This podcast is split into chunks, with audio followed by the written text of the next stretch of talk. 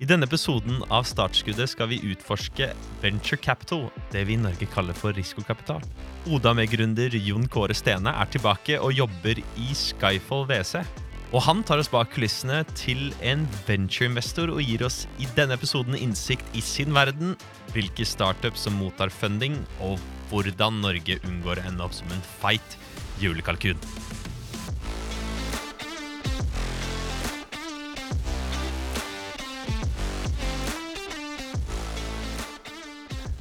Vi sitter fremdeles i kontorene til eh, Venture Capital Skyfall eh, her i Oslo. Eh, det er meg, Vetle Storvik, i startskuddet med Meg, Andreas Urne. Og vi hørte jo veldig spennende om hvordan denne Oda-historien var med Jon Kåre Stene i forrige del. Og nå skal vi bygge videre, Vetle. Ja, fordi eh, Jon Kåre er jo ute av eh, Oda nå og eh, driver sitt eget venture capital-firma.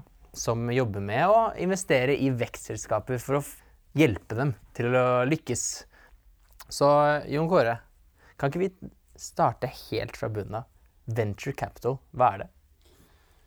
Venture capital ehm, Hvis man går liksom helt tilbake til liksom opprinnelsen rundt venture capital og, og begrepet venture, eh, så stammer det liksom faktisk fra adventure capital. Ehm, og 60-tallet, 70-tallet i USA, når Silicon-chipene og Silicon-selskapene begynner å ta form i, i The Bay Area i California, eh, og hvor en del rike folk som hadde litt penger til overs, som de kunne bruke på litt eventyr for å støtte ambisiøse gründere. Så det er vel litt der det kommer fra. Um, og så ser man at det er jo en finansiell en måte, investeringsklasse som er rettet mot oppstartsselskaper og vekstselskaper. Eh, hvor eh, risikoen er ganske høy, men uh, oppsiden uh, dertil like høy. Det er vel et finansielt instrument som er satt sammen uh, på en måte som skal ta høyde for, for risikoen, men som da er tilsiktet å, å bruke på selskaper som skal klare å bruke den kapitalen effektivt for å øke verdisettelsen sin, for å hente mer penger, for å vokse og, og, og bli større selskap. Så hvilken type selskaper er det vi snakker om? Det er vel ikke hvem som helst nødvendigvis? Eller? Nei, det er jo ganske eh, fascinerende hvis du f.eks. titter på lista over de ti mest selsk verdifulle selskapene i verden. Eh, så er vel syv-åtte av de eh, initielt eh, finansiert av venture capital. Der har du Google, Facebook, Microsoft, Apple. Så det er jo denne type, spesielt innenfor software, eh, men også en del andre type eh, bransjer. Eh, men det er typisk selskaper som har blitt startet i det små og fått midler til å vokse. Både til å utvikle produkt, finne et marked hvor produktet gir mening, finansiere videre vekst, slik at selskapet vokser seg større og får enda mer kunder. Og kanskje en gang blir børsnotert, eller, eller ikke. Så det er, det er, en form for tidligfasekapital inn for å, å, å, stimulere selskaper til å bli til og selskaper til å vokse. Mm. For vi har tidligere snakket Andreas, med Trond Ribe Knutsen, som er tidligfaseinvestor. Så han investerer i et team som har en idé, eh, som ikke er noe håndfast nødvendigvis. Eh, hva er forskjellen på tidligfaseinvestorer og, og dere i Venture Capital? Jeg kan jo si at den investeringen som Trond driver med, er jo også en form for venture capital. Uh, men i, i, venture capital så har du gjerne ulike faser. hvor Du gjerne har en englefase, eller en tidlig fase hvor du finansierer et lite team med en idé. Og så har du en såkornfase, eller til og med en pre-såkornsfase, hvor du gjerne har et team som har skapt et produkt og så vidt har fått litt validering fra kunder. Eh, hvor du går videre til en serie A-fase, serie B-fase, serie C, serie D, serie E noen ganger. Eller kanskje det er en børsnotering. Hva er disse seriene? Nei, de er koblet uh, De er liksom mer koblet opp til hva slags kapitalbehov du har som selskap. Eh, gjerne koblet opp med hvilke omsetningsnivåer, vekstnivåer har man kommet til.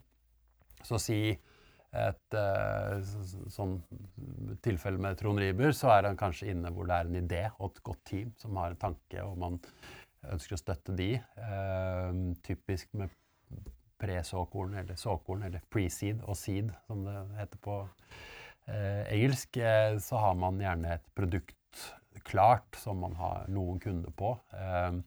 Kommer man opp til serie A, så Eh, har man gjerne 10-20 millioner kroner i årlig omsetning. Eh, og så fortsetter det litt sånn i ulike faser down the road. Og det du ser gjerne hvis du ser på venturekapitalselskaper, så har de gjerne spesialisert seg på ulike faser. Eh, der Skyfall Ventures er et sånn pre-såkorn-såkornfond. Uh, vi, vi, også går inn ganske tidlig, men hvor vi gjerne ser at uh, selskapet har kommet litt lenger enn i det. De har et produkt på plass, de har noe validering fra kunder. Uh, og så har man senere litt større fond på plass. Og noe av det som skiller kanskje typen på fondet, er jo litt hva er det du må være god på? Hva er det du investerer i? Jeg tror For både oss og for Trond så investerer vi veldig mye i mennesker og team. Uh, mens kommer du senere, kommer du typisk serie A-runde, så har du mer, mer tall og, og, omsetning og vekstparametere å forholde deg til. Og, og, gjerne summene man investerer, er også litt større. Så, så, la, så, la, meg se om jeg har forstått dette riktig. Så det er et selskap med store vekstmuligheter, stort vekstpotensial, gjerne globalt, som gjerne skal tape penger i noen år, da, eller? En stund, og så får de investering av, av, av WC som som dere, eller? Eller har jeg misforstått noe deg? Nei, jeg tror det, det er et veldig godt spørsmål i forhold til eh, hvem er eh, venturekapital riktig for. Um, hvis du, så jeg var litt inne på risikoprofilen. Sånn, så det er, der det er, man går inn tidlig i, i, og tar ganske høy risiko. Eh, og da ønsker man sånn sett også at oppsiden er ganske stor. Hvis du ser hvordan eh, Eh, for veldig mange investorer som jobber på pre-såkorn og såkorn og ser oppover, så er det ofte eh, organisert som fond. Eh, hvis du ser hvordan fondet er satt opp, så er det jo gjerne slik at én investering skal kunne tilbakebetale hele fondet.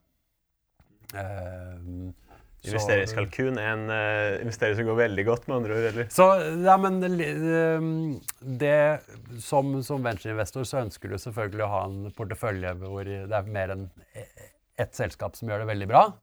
Uh, men igjen, for å ta høyde for den risikoen man, man legger opp til, så, så skal liksom ett selskap kunne tilbakebetale hele, hele fondet. Så det er sånn uh, for, for Skyfall Ventures fond 2, som er på 250 millioner kroner, og, og liksom vår optimale første investering er på 5 millioner kroner, så må vi kunne se at den investeringen skal kunne 50 ganger seg eh, for at vi skal føle at det er en riktig investering. Så nå er vi inne på det rent praktiske. så Dere lager en, et fond, en, en, portfølje, og så er dere et mellomledd. Er det sånn det fungerer, eller er det dere som har pengene personlig? Eh, hvem, hvem, hvem pengene er det her? I, når du setter opp et fond, sånn som fra vår side, så er det da eksterne investorer som, som ønsker å allokere eller være eksponert mot, mot i, i, vårt tilfelle liksom norske og nordiske startup-tech-markedet. Fordi det er det dere investerer i? Eh, vi har et nordisk mandat eh, i software-selskaper. Vi investerer i noe, noe hardware-selskaper, men det er også tydelig at software er en viktig komponent av produktet.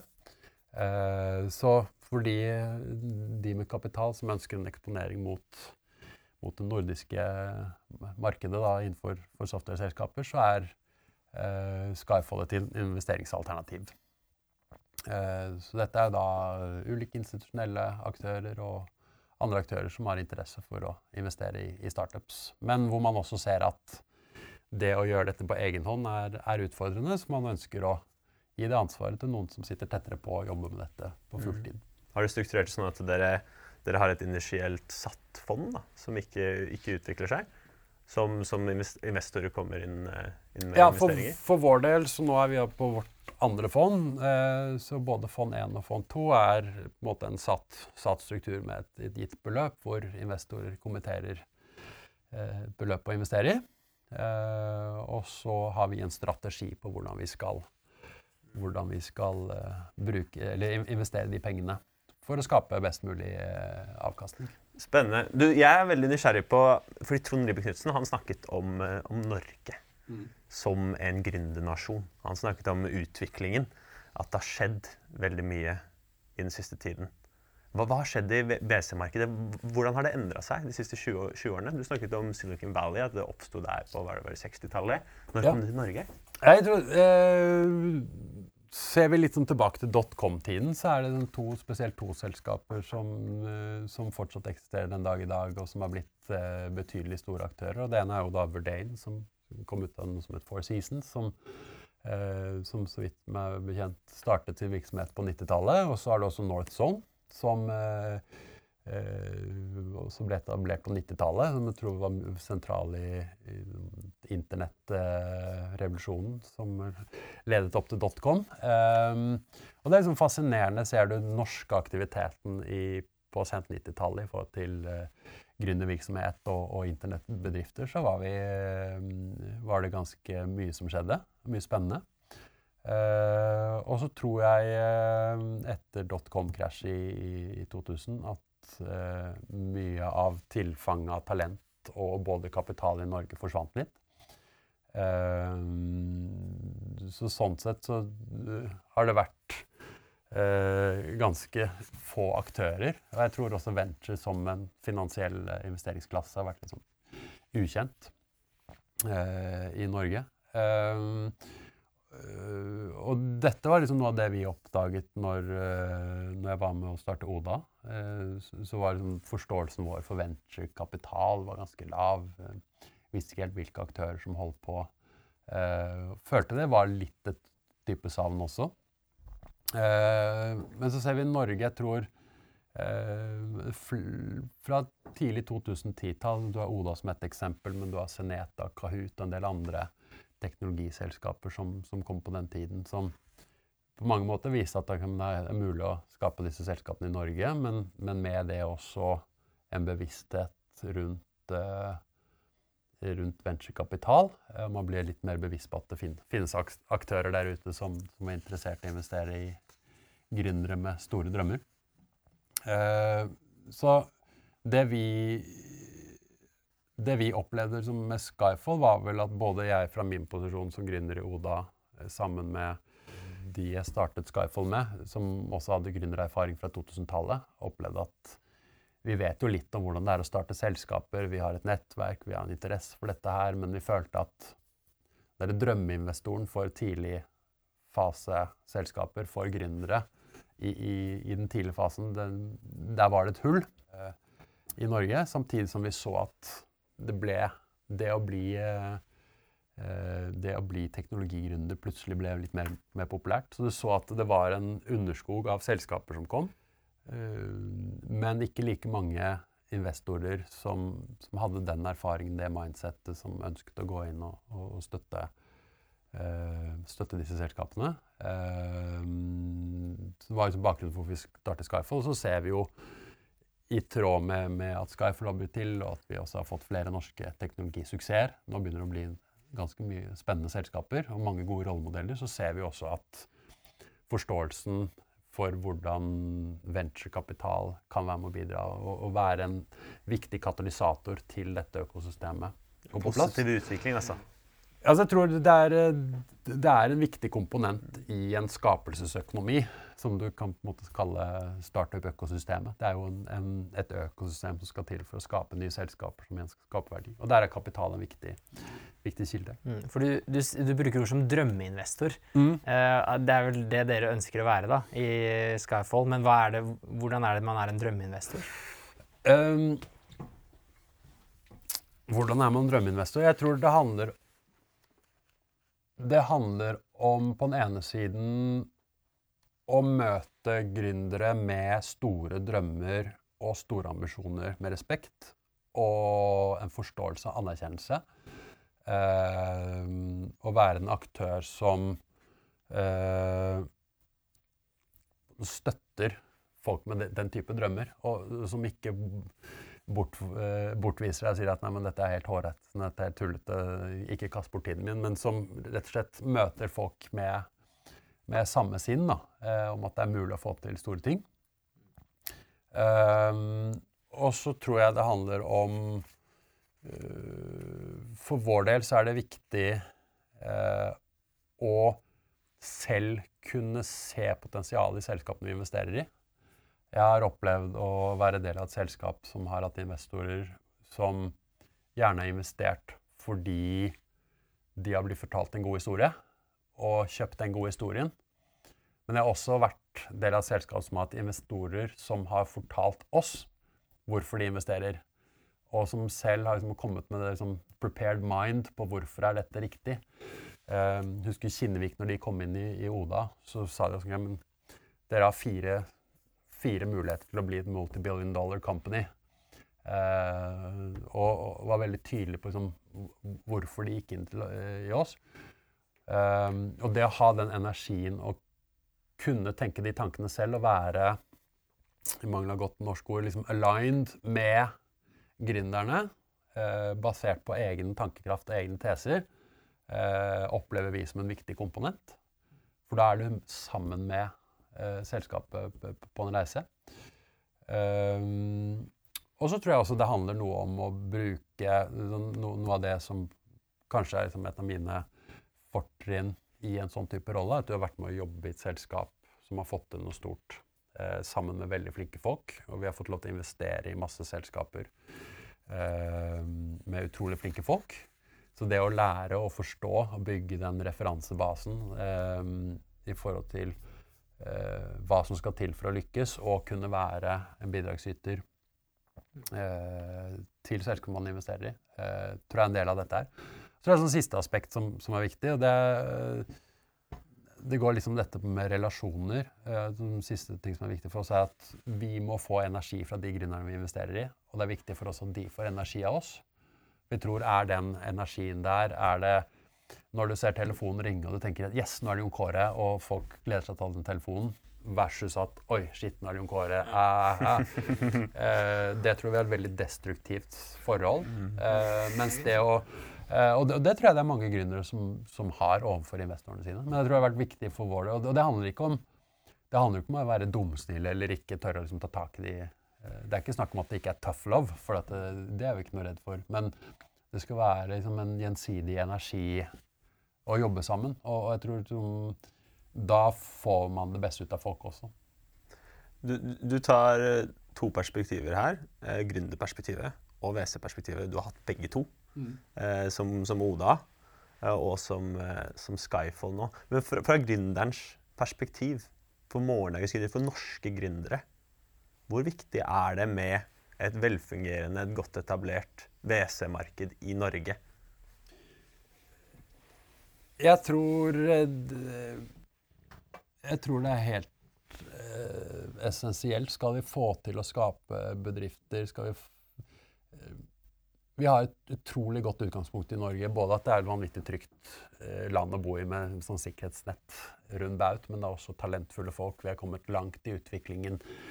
Så vi har veldig, veldig mye gode forutsetninger for å skape gode ting. Eh, en utfordring er at vi har det litt for godt. Så det er eh, måtte tas litt ut av den uh, hvilepute komfortsituasjonen. Men Eh, det er klart at har man ikke kapital tilgjengelig for å, å, støtte og være med å finansiere disse selskapene her, så er det veldig mye som ikke blir, blir noe til.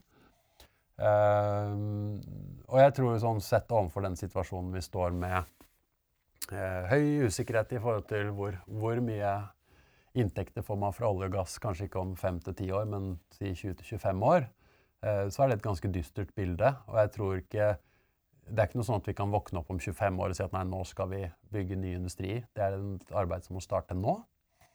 Uh, og jeg tror det å kunne klare i en mer og mer digital, teknologisk verden, det å kunne klare å bidra til høy verdiskapning gjennom å generere masse nye selskaper som kommer til å skape på en måte fremtidsverdi, er viktig. Og da, da må man ha funding, og da må man ha kapital. Eh, men det henger også sammen med, med talent, tilfang, kompetanse. Liksom at folk har lyst til å være gründere. At folk har lyst til å eh, starte egne selskaper. Det jeg syns er så utrolig kult å sitte og snakke med dere nå. For dere kommer fra et sted hvor kanskje største talentbasen i Norge eksisterer, selv i forhold til å skape selskaper relevante for oss som investor, så er NTNU er kimen til, eh, til veldig mye bra. Eh, så jeg tror liksom eh, Ja. Det er, det er også et viktig aspekt her.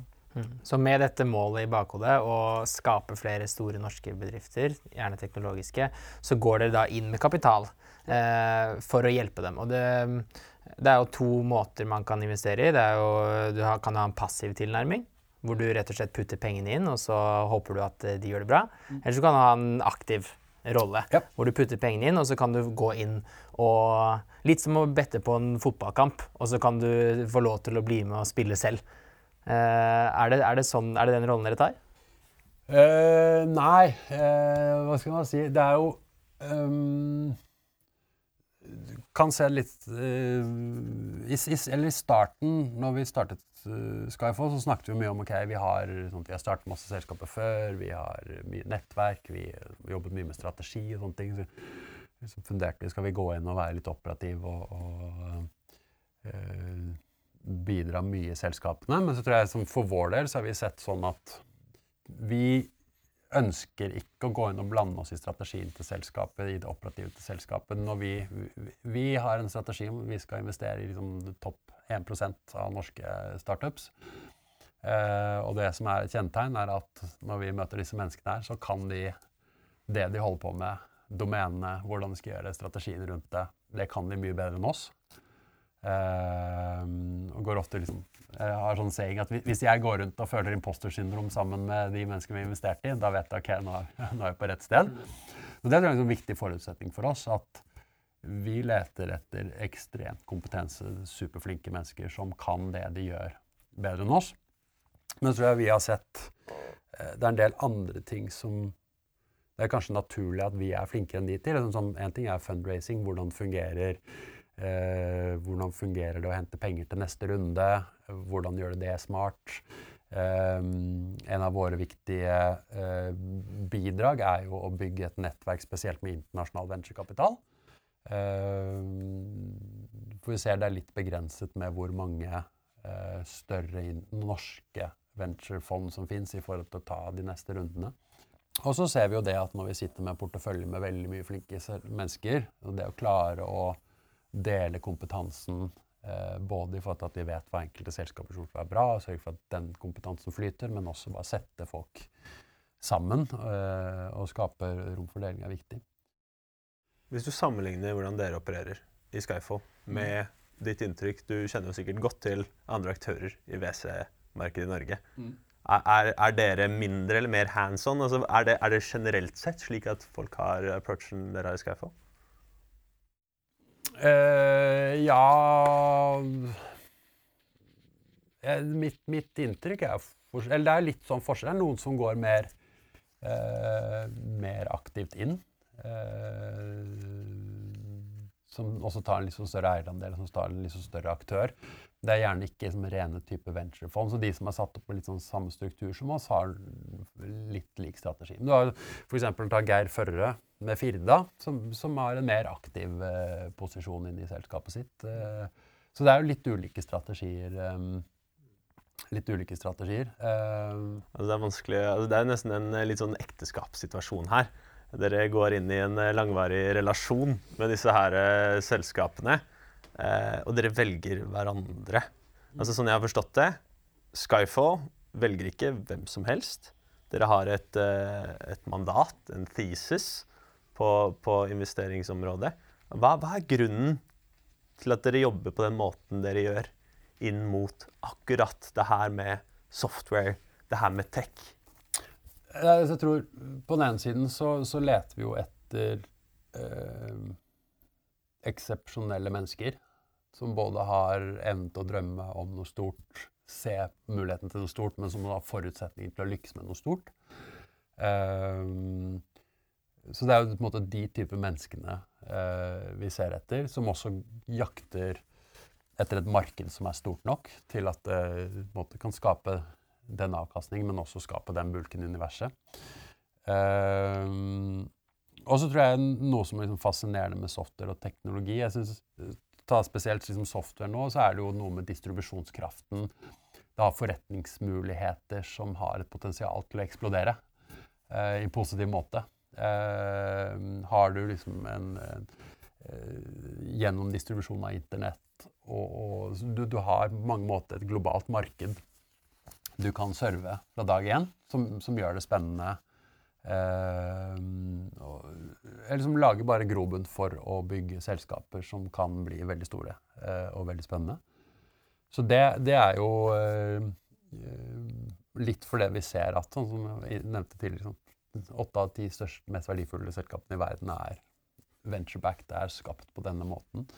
Eh, så det er eh, utrolig spennende oppsidepotensial for de som lykkes. Og så tror jeg som, eh, både som Norden er et godt sted for å, å bygge disse type selskapene. Vi har noen naboland som har veldig god historie for det. Det begynner å skje masse, som vi snakket om. Hvorfor er det så bra i Norge? Eller i Norden?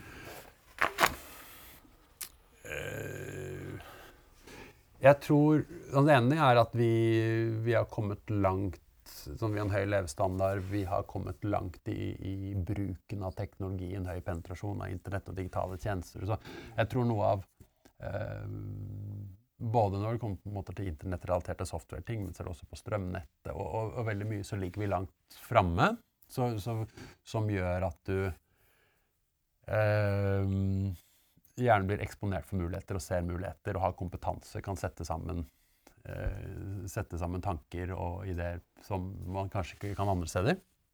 Og så tror jeg, hvis vi skal være helt ærlige og stikke fingrene i jorda, så har vi noen naboland som er vesentlig flinkere enn oss og har en bedre track record. Eh, der har det som sagt skjedd veldig mye de siste ti årene, eh, og, og, det er mye, mye spennende som er på gang. Eh, men et viktig sånn aspekt der tror jeg at eh, Tar du Sverige som eksempel, så har vi kjempemye forbilder. Eh, uh, som gjør at sånt, Går du på en del av skolene i Sverige, så er det veldig lett å se på Daniel Ek og Sebastian Siemotowski og Spotify, Spotify og, og, Klarna mm. og en del av disse aktørene. Se hva de har fått til. Det er, det er de som er rollemodellene. Eh, det tror jeg som var en når, når Softbank, som investerte i Oda, Eh, i 2021, når de kom inn, Softbank og Prosus, eh, så var det jo kjempekult å få en høy verdsettelse og få disse internasjonale anerkjente investorene inn. Men det jeg syntes var kulest, var jo å få en sånn anerkjennelse fra andre gründere rundt og sa at takk, dere har vist at det er mulig å få til ting. Og du har jo en egen historie fra Oda, hvor du kanskje vil si at du ikke hadde klart, eller hadde ikke klart det uten litt investor fra WC? Nei, det er jo, eh, så Hadde vi visst hvor mye penger vi trengte for å bygge Oda når vi startet, så vet jeg ikke om vi hadde startet. Så det er jo en god dose, det er godt med en god dose naivitet og uh, uvitenhet når man starter ting. Men det er jo helt klart, det, det har vært en veldig kapitalkrevende reise. Mm. Uh, uh, hvor, hvor WC-kapital har vært helt avgjørende for å få det til å skje. Men, men, men, for vår del så var det liksom tilbake til dette snakket om med, med drømmeinvestor. Men så at her var det et tomrom som vi ønsket å fylle. Uh, og så tror jeg det er uh, Når man har vært med å starte ting uh, Kanskje en av de tingene jeg sitter igjen med mest med Oda. Terskelen for å komme i gang og starte er ganske høy første gang man gjør det. Og så merker man at oi, ja, det å opprette et AS og det å prøve å gjøre en ting ja, det er ikke så vanskelig allikevel. Så jeg tror det var litt eh, Når vi gikk og tenkte rundt Skyfall, så var det OK, la oss bare komme i gang. La oss bare begynne å prøve. Ja. Er det kontroversielt? Jon Kåre Stene sier at det ikke er vanskelig å starte en eh, bedrift. Eh, det er så Legeoverskrift? Nei, det Hva skal man si? Ja? Vi jeg tror kanskje, hvis jeg skal gi et råd til uh, unge, lovende studenter fra, fra egenopplevde, egenopplevde, erfaringer, så er det jo at det er vanskelig å forstå hvor fri man er før man på en måte låser seg på det neste steget. Og jeg tror uh, liksom i etterkant, når du sitter der med hus og tre barn og bikkje og såpass mye aspekter og ser tilbake når du var 25-26 mm. og kanskje følte at man hadde forpliktelser med studielån og litt sånne ting, men man skjønner ikke hvor fri man er, da. eh, og det tror jeg også for min del, som, som kom inn i skiftesystemet, som var, er jo ganske etablert og strukturert, så kjenner du at eh, alt, det virker, alt virker så stort. Det virker så omfattende. Om du skal eh, eh, Enhver beslutning virker plutselig så kjempestor. Og så husker jeg at når jeg, jeg hadde sluttet i Skipsted og satt på kontoret på Oda og så bort på Carl som tok opp telefonen og kjøpte reoler eh, for 100 000 kroner, så var det en sånn derre Går det an? er, er, er, det mulig? Fordi at når det kommer fra den verden der, så er det bare Nei, men det er en prosess. Du må snakke med innkjøpsansvarlig, så må du lage en presentasjon, så må du ha et budsjett, og så må du rasjonalisere for Og så kommer du plutselig bare og sier at Nei, ta opp telefonen, og så ringer du og så kjøper du de reolene. Og verre er det ikke. Den lean approachen som vi snakket om i, i En veldig lean approach. Jeg tror Det har vært noe av grunnlaget rundt Skyfall hele veien. Først, det første vi gjorde med Skyfall, var jo eh, litt sånn fra Sprint sin side, som jobbet med masse store selskaper som de så slet med, med å innovere. Så, så vi vet jo hvordan vi sparker i gang nye selskaper, og hvordan vi setter på tech-ressurser og sånne ting. Så det første selskapet vi gjorde, var faktisk et selskap som het uh, Alva Technologies, som gjorde det samme med Ambita, tidligere Norsk Eiendomsdata, hvor Skyfall og Ambita gikk gjennom og startet 50-50. Og så stilte vi med tech-ressurser og en CEO, og så stilte Ambita med med liksom fagkompetanse og domene og kunder og litt, litt midler. Altså, Hvor er vi på tidslinja nå? Fordi Oda starta 2013. Dette er vel i 2015. 2015, ja. Eh, cirka da. Hvor sånn Skyfall, tanken om at vi ville gjøre noe, var, var en julebordsidé på julebordet til Sprint eh, i 2014. Det er der ideene skapes. ikke dropp julebordet, nei. Eh, så nei, ikke dropp julebordet. Så det var vel jeg og Preben, som nå er en partner sammen med meg i Skyfall, som, som tenkte at det her måtte vi gjøre noe. Og så var da Alva Technologies det, liksom det første steget. Eh, og så så vi at det å starte et selskap sammen med et større selskap var litt problematisk. Eh, vi hadde lyst til at dette skulle være liksom en venturereise som skulle få eksterne investorer inn, mens jeg så de så nok mer på dette som en strategisk asset i forhold til sitt selskap. Så vi så at sånn, det var en litt sånn tøffere modell enn vi hadde håpet på. Uh, men så det i kombinasjon med at da Uh, disse sprintgutta investerte i, i Kolonial veldig tidlig. Uh, gjorde at Ryktet på gata gjorde at nei, det, er, det, er, en gjeng her som, som driver og investerer litt, så vi begynte plutselig å få litt deal flow. Um, og så var det vel i 2016 hvor vi etablerte Skyfall som selskap. og hvor Espen Malmo, som i dag er daglig leder, jobbet som, jobbet som konsulent i Sprint, men så følte at han han var perfekt for, for, jobben. Så da kanaliserte vi alt av våre på en måte, tidligfase engleinvesteringer inn eh, til Skyfall, som Espen håndterte.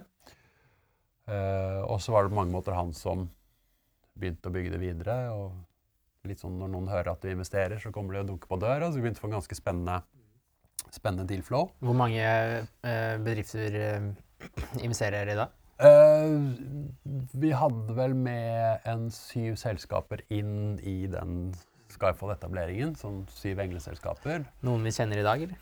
Oda er blant de. Mm. Eh, Otovo. Eh, nabobil. Mm. Fjong. Eh, Nettby. Nei, Nyby, mener jeg. Det er et selskap som heter. Som, eh, eh, og så er det et selskap som het Popsjen, som var, kom fra Trondheim. Trondheimsbasert, eller NTNU-basert. Uh, Disse har jo gått bra, mange av dem. Nabobil ser man jo rundt omkring. Fjong, altså en, en nettbasert uh, um, ja, utleie av klær, ja. er det ikke det? Og andre som man har hørt om. Det skal ærlig innrømme at det, det, det, er ikke alle jeg har hørt om. men det kan hende lytterne våre har gjort. Hva er det dere da ser etter når dere skal investere i selskaper? Og vi snakket jo med Trond Rybe Knutsen, som nevnt. han med flere sier teamet om det fungerer godt, og ideen, da. Mm. Eh, så du får ikke lov til å svare det. Eh, hva, det, hva, annet er det dere ser etter? Altså, en ting som er helt essensielt for oss, er jo Nå har jo Trond sagt det ene, men som er team. Men det, det, det, kommer liksom ikke unna det når man investerer såpass tidlig. Det er menneskene. Uh, uh, hvilken drive har de? Hvilket purpose, underliggende motivasjon har de for å gjøre det de har. Men klart ser også på, uh, på liksom hvilke, liksom, hvilket utgangspunkt og forutsetninger har de for å løse det de har. Uh, en ting som skiller oss litt fra jeg vet en del andre selskaper, men vi er ganske tydelige på at du må ha CTO som del av co-founding team. Som er Eh, Chief Technology Officer, eller på godt norsk en eh, steingod koder. En nerd, sånn som oss. Eh, en en uh, ordentlig Hva er det vi kaller en ordentlig hacker. Eh, nei, men det er sånn, jeg tror vi er ganske åpne på det.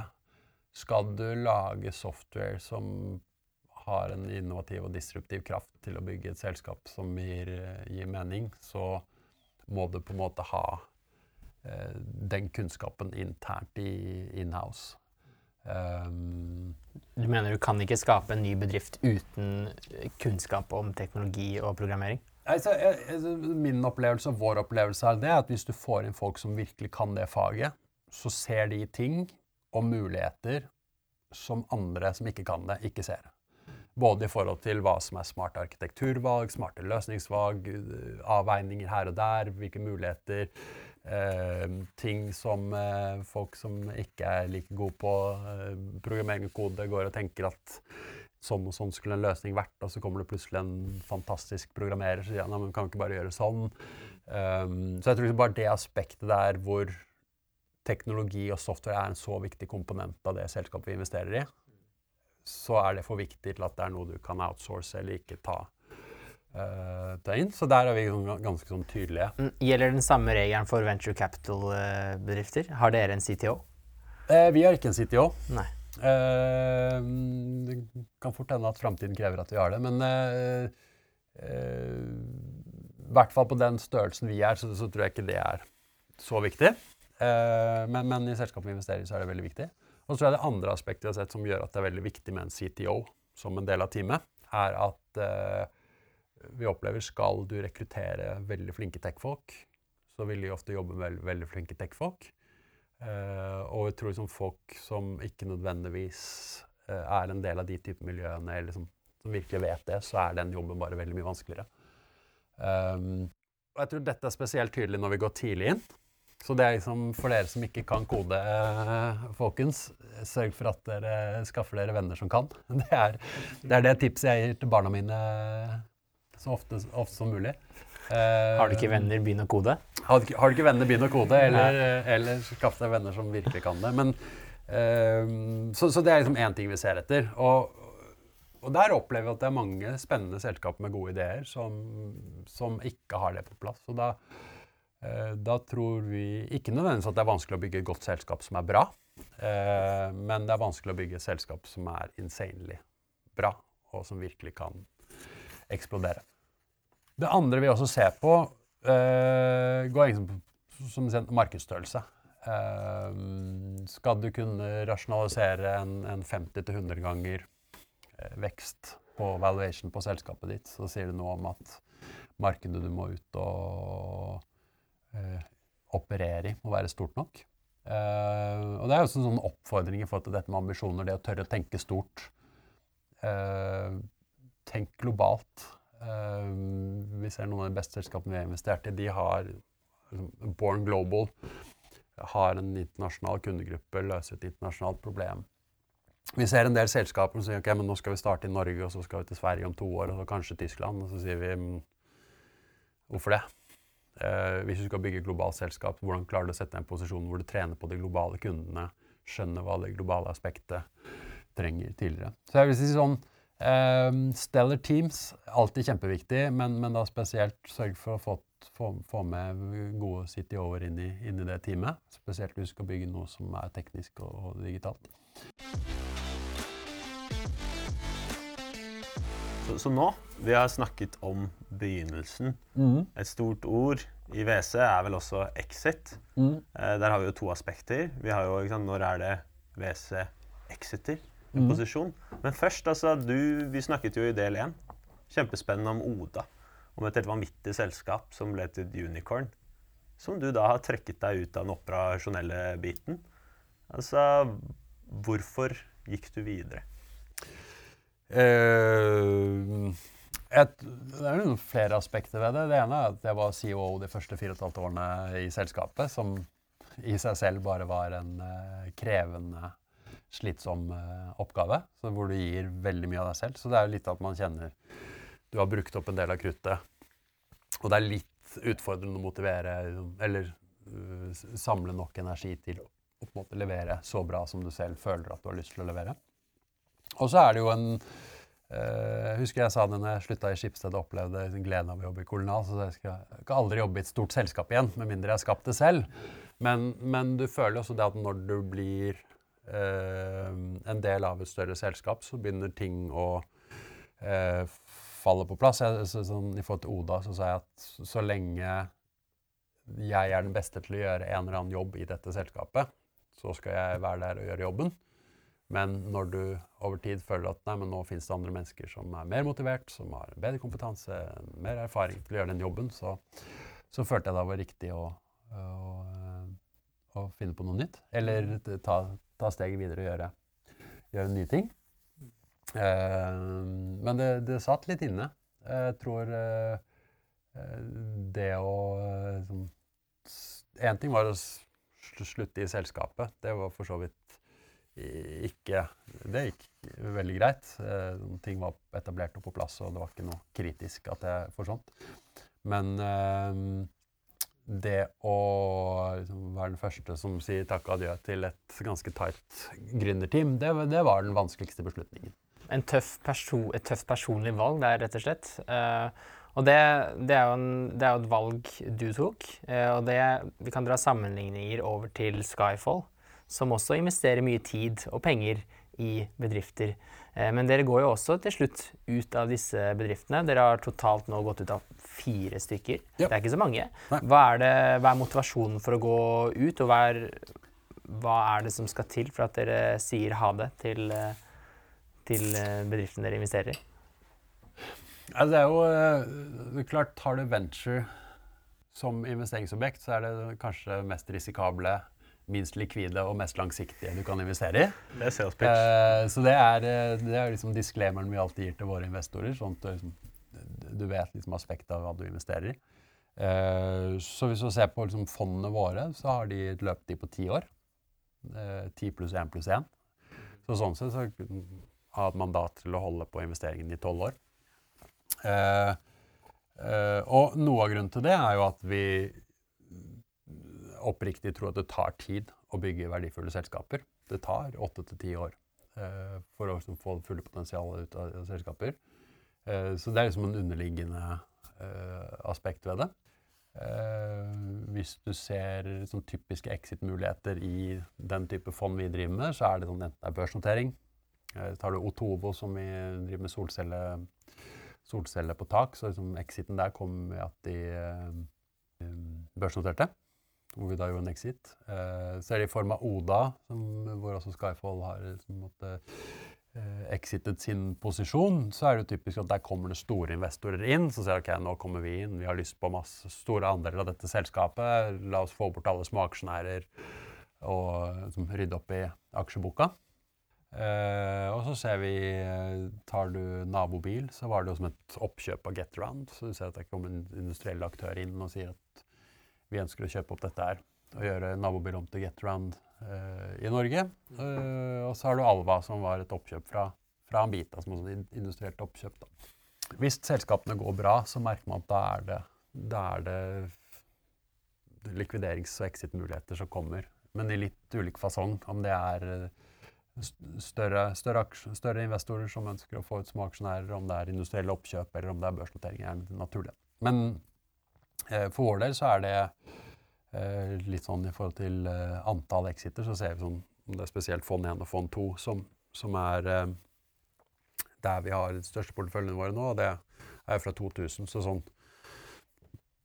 opp, Teoretisk sett så er det liksom, nå begynner det å nærme oss 2030, hvor, eh, hvor vi, vi burde ha realisert det meste av fond 1. Da. Eh, Du, jeg lurer litt på, jeg. Hva er det folk misforstår med WC? Så hva, hva misforstår en gründer som, eh, som går ut og søker eh, WC-fond?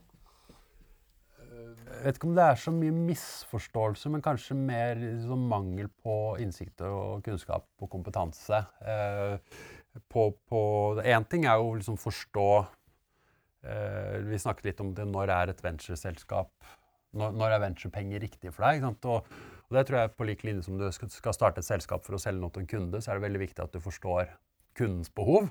Jeg tror det for en gründer å forstå eh, investorens behov og investorens forpliktelse til sine investorer igjen er ganske viktig. Og som jeg snakket om at når du har en, eh, en fondsportefølje på 20 selskaper, eh, og du vet at eh, 90% av de feiler, så skal liksom to av de redde hele porteføljen. Som sier, tilsier at ok, at når vi ser på et case og skal gjøre en investering, så må vi kunne rasjonalisere en 50-100 ganger. Eh, det tror jeg er viktig for en gründer å forstå. Med andre ord, du må overbevise investoren at dere skal 50 eller 100 ganges. Ja, men, men, jo, men det er jo litt sånn eh, For oss å se at en gründer klarer å bevise at markedet er så stort, eh, skal vi kunne klare å nå denne verdivurderingen, så må vi ha denne omsetningen. Vi skal ta denne prisen for produktet vårt. Det betyr at vi må ha så mye kunder. Eh, og så skape et ra rasjonelt argument for at det er mulig å få så mange kunder. Så bare den øvelsen der er ekstremt viktig for oss. da. Og så tror jeg eh, liksom en annen ting som Vi snakket litt om vanskelige samtaler, om det var i denne episoden eller forrige, men eh, sånn rundt eierfordelinger og aksje, aksjebok, eller cap table, som det heter på godt, godt venturesk. Men sånn eh, Det Når man investerer i et ventureselskap, Sammenligne ta f.eks. private equity og med sånn oppkjøpsfond som går inn og kjøper halve selskapet og setter på masse ressurser som skal fikse og ordne i selskapet, så er venturekapital litt annerledes.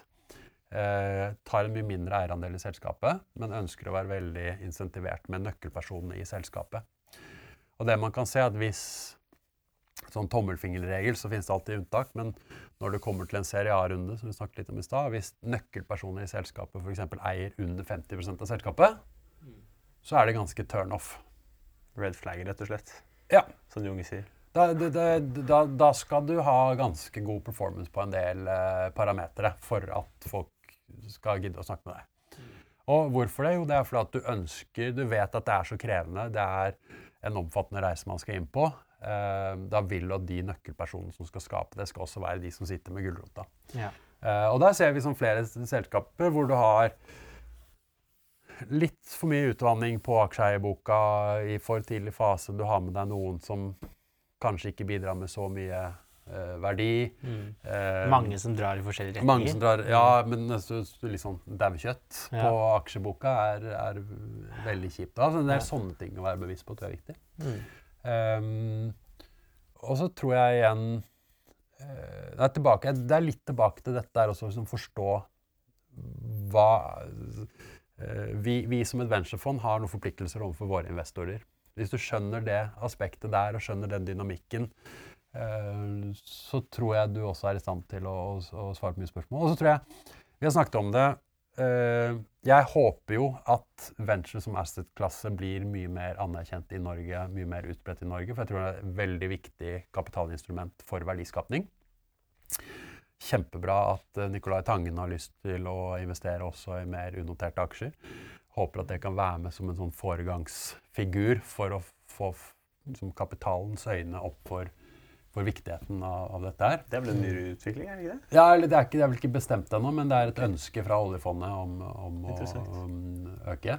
Mm. Um, fordi jeg tror, som, jeg tror venturekapital kommer til å være helt avgjørende for å skape den videre verdiskapningen i Norge framover. Var interessant at du trekker inn eh, Norge-perspektivet. Du har jo, har jo det ganske spicy quotet. Eh, vi kan fort ende opp som en julekalkun i desember hvis vi ikke klarer å tenke stort nå.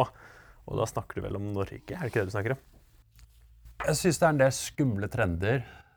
Eh, samfunnstrender. Eh, sånn, ta matteresultater for 15-åringer i Norge som nå er liksom på bunnen i Europa. Eh, høre fra høyskolelærere, høyskoleprofessorer at elever de har, sliter med å lese lange tekster og trekke ut essensiell informasjon. Eh, erkjennelsen av at de inntektene vi har som virkelig fueler, økonomien vår i dag, eh, kommer nok til å være der om fem til ti år. Men om de er der om 20 til 25 år, er jeg veldig usikker på.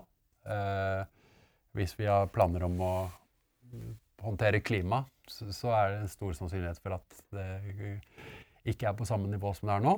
Og da må vi skape arbeidsplasser og, og selskaper som genererer den verdien for å bare dekke opp for det tapet. Det er ikke sånn at vi bare våkner opp om 25 år og sier at nei, nå skal vi bli rå på å skape masse ny verdi. Det er en lang prosess. Det er en muskel som må bygges og modnes.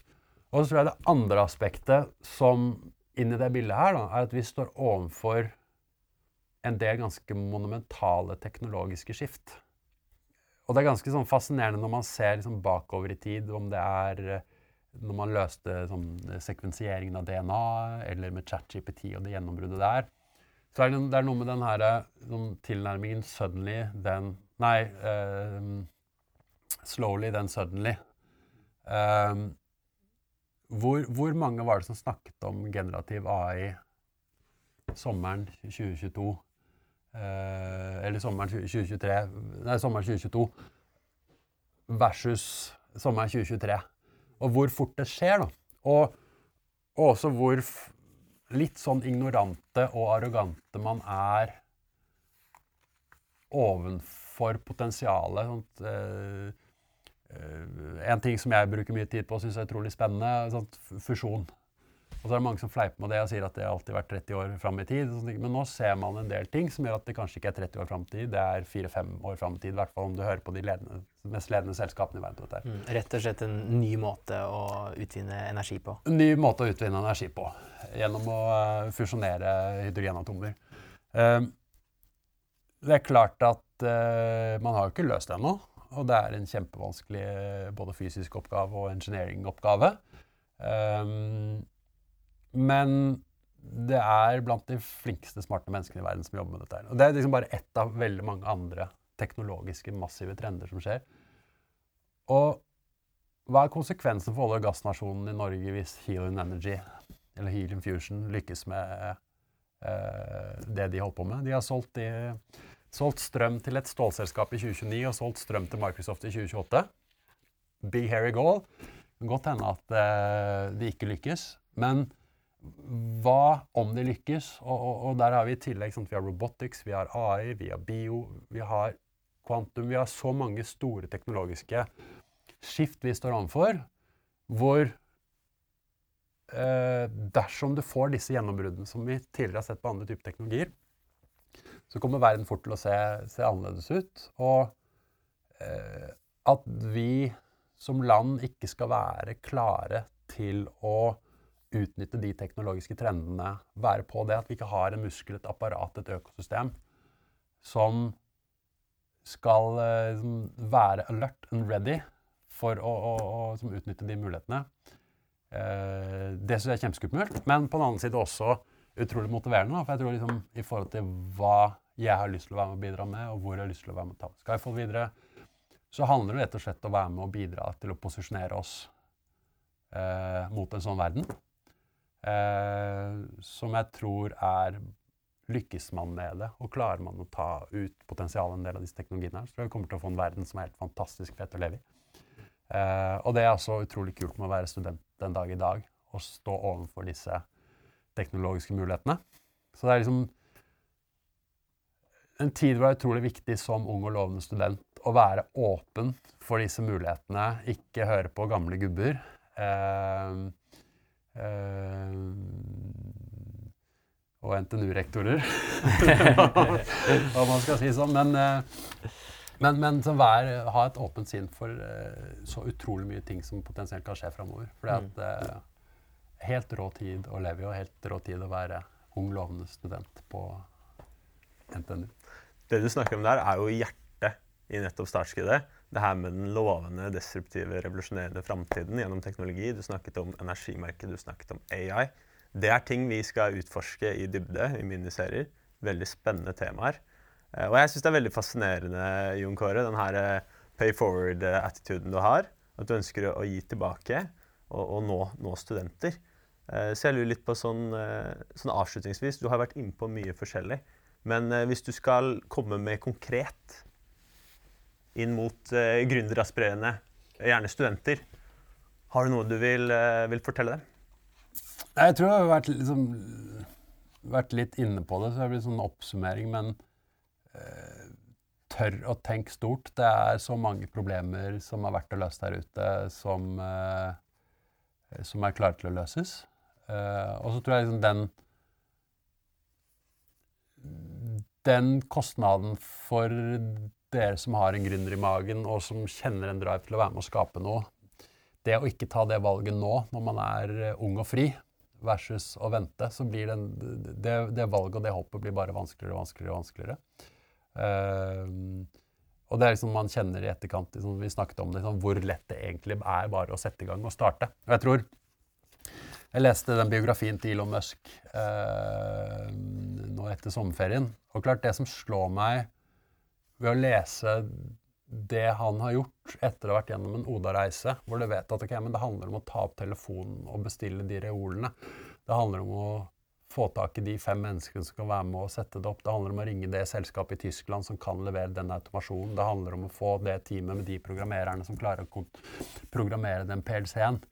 Når de igjen hører hva han har holdt på med, hvordan de bygde første Tesla Roadsteren. hvordan den, Det var strikk og binders og ducktape, og det var noen chassis her og chassis der hvordan de bygde en rakett på en stillehavsøy med sveiseapparat. ikke sant? Det er noe med det derre just go do it eh, som er det som skal til.